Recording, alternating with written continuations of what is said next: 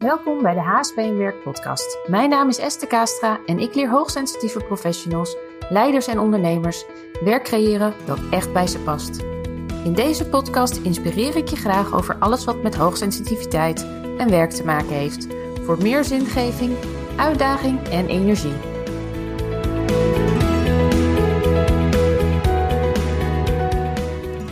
Welkom bij de tweede podcast van HSP en Werk. En in deze podcast wil ik het je graag met je hebben over wat is nou hoogsensitiviteit? Want er wordt heel veel over geschreven, heel veel over gezegd.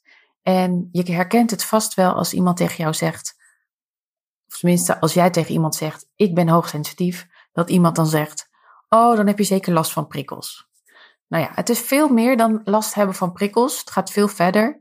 En als je bijvoorbeeld autisme hebt of eh, ADHD of ADD, dat heet trouwens tegenwoordig alleen nog maar ADHD, dan heb je ook last van prikkels. Dus wanneer is het nou die hoogsensitiviteit en wanneer is het nou wat anders?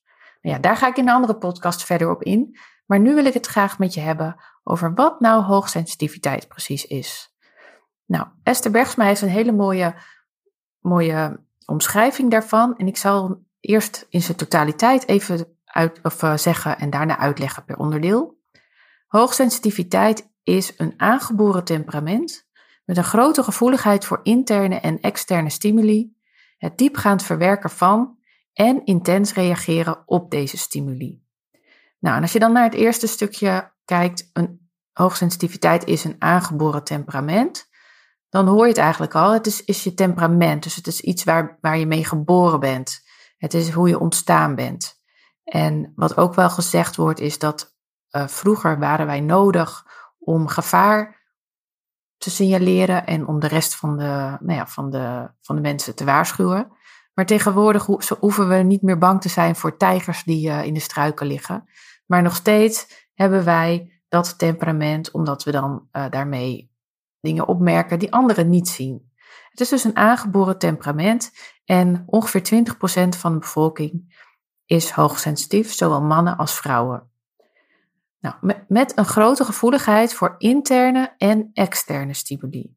Nou, dat zijn dus die prikkels. En prikkels die komen niet alleen van buiten, dus dat wat je met je zintuigen waarneemt, wat je ruikt, wat je voelt, wat je ziet, wat je proeft, maar het kan ook van binnen komen. Dus dat zijn de signalen die van binnen ontstaan, buikpijn of hoofdpijn of een verliefd gevoel.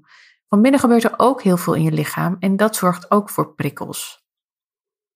Dat wordt ook wel introceptie genoemd. Nou, daarnaast um, het diepgaand verwerken van.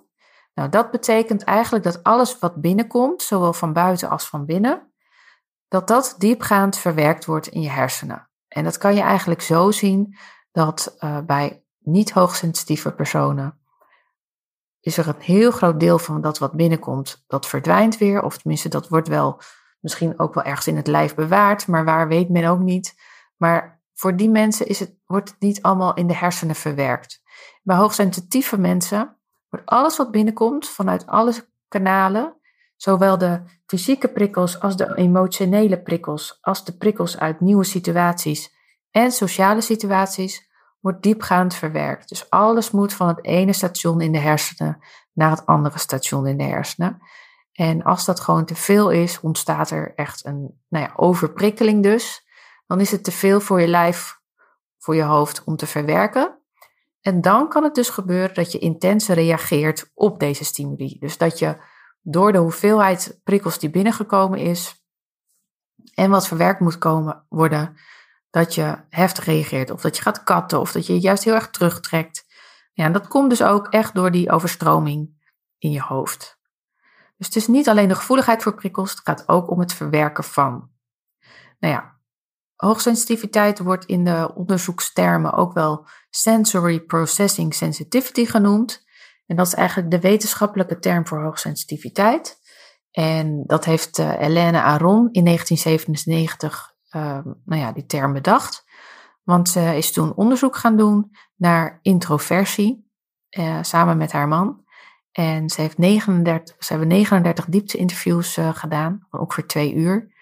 En toen ontdekte ze eigenlijk dat er nog een, ja, dat er een andere sensitiviteit is dan introversie, omdat ze eigenlijk dat het een op zichzelf staande eigenschap is, omdat er ook extraverte mensen waren die die eigenschap vertoonden.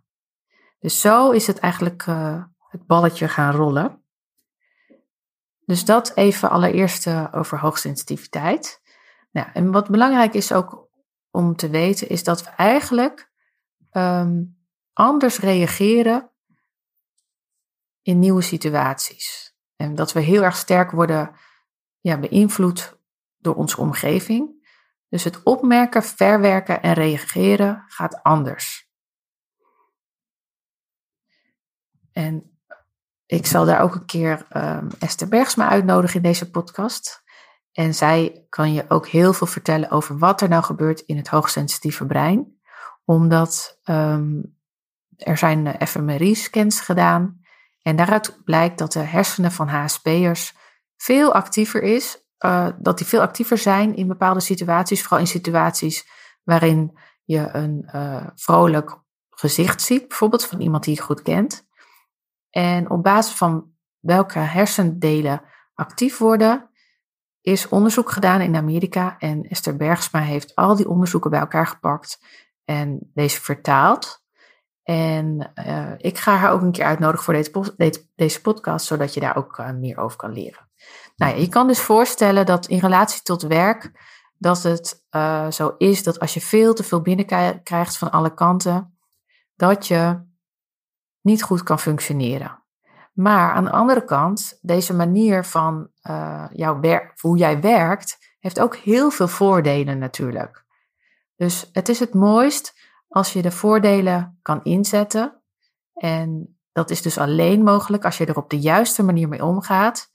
En, zo, en dat de prikkels die binnenkomen ja, niet te veel zijn, zodat je je volledige potentieel kan benutten. En ik geloof er dus ook niet helemaal in dat je bijvoorbeeld kan zeggen, nou, ik uh, ga een een of andere uh, rozenstruik of uh, ballon om me heen visualiseren, want dan komen er geen prikkels binnen. Dat geloof ik niet. Ik geloof wel dat als jij sterk in je schoenen staat en echt weet wie jij bent en uh, waarmee je onderscheidend bent en doet wat echt bij je past, dat je stevig kan staan en dan je kwaliteiten uitstraalt en dat je daarmee eigenlijk al uh, de negativiteit buiten houdt. Dus ja, bij hoogsensitiviteit is het heel erg zo, uh, het begint bij jezelf. Ga zelf aan de slag, leg het niet neer bij anderen. Dat is wat er heel vaak gebeurt. Ik hou absoluut niet van het slachtoffergedrag bij hoogsensitieve personen. Neem zelf de regie, toon leiderschap en ga kijken wat het is voor jou en hoe je het in kan zetten in je werk en leven. Nou, dit is het uh, wat ik je wil, graag wil vertellen over wat is hoogsensitiviteit precies. Leuk als je een reactie stuurt op deze podcast.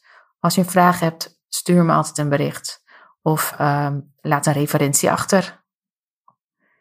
Dankjewel en tot de volgende keer. Doei doeg!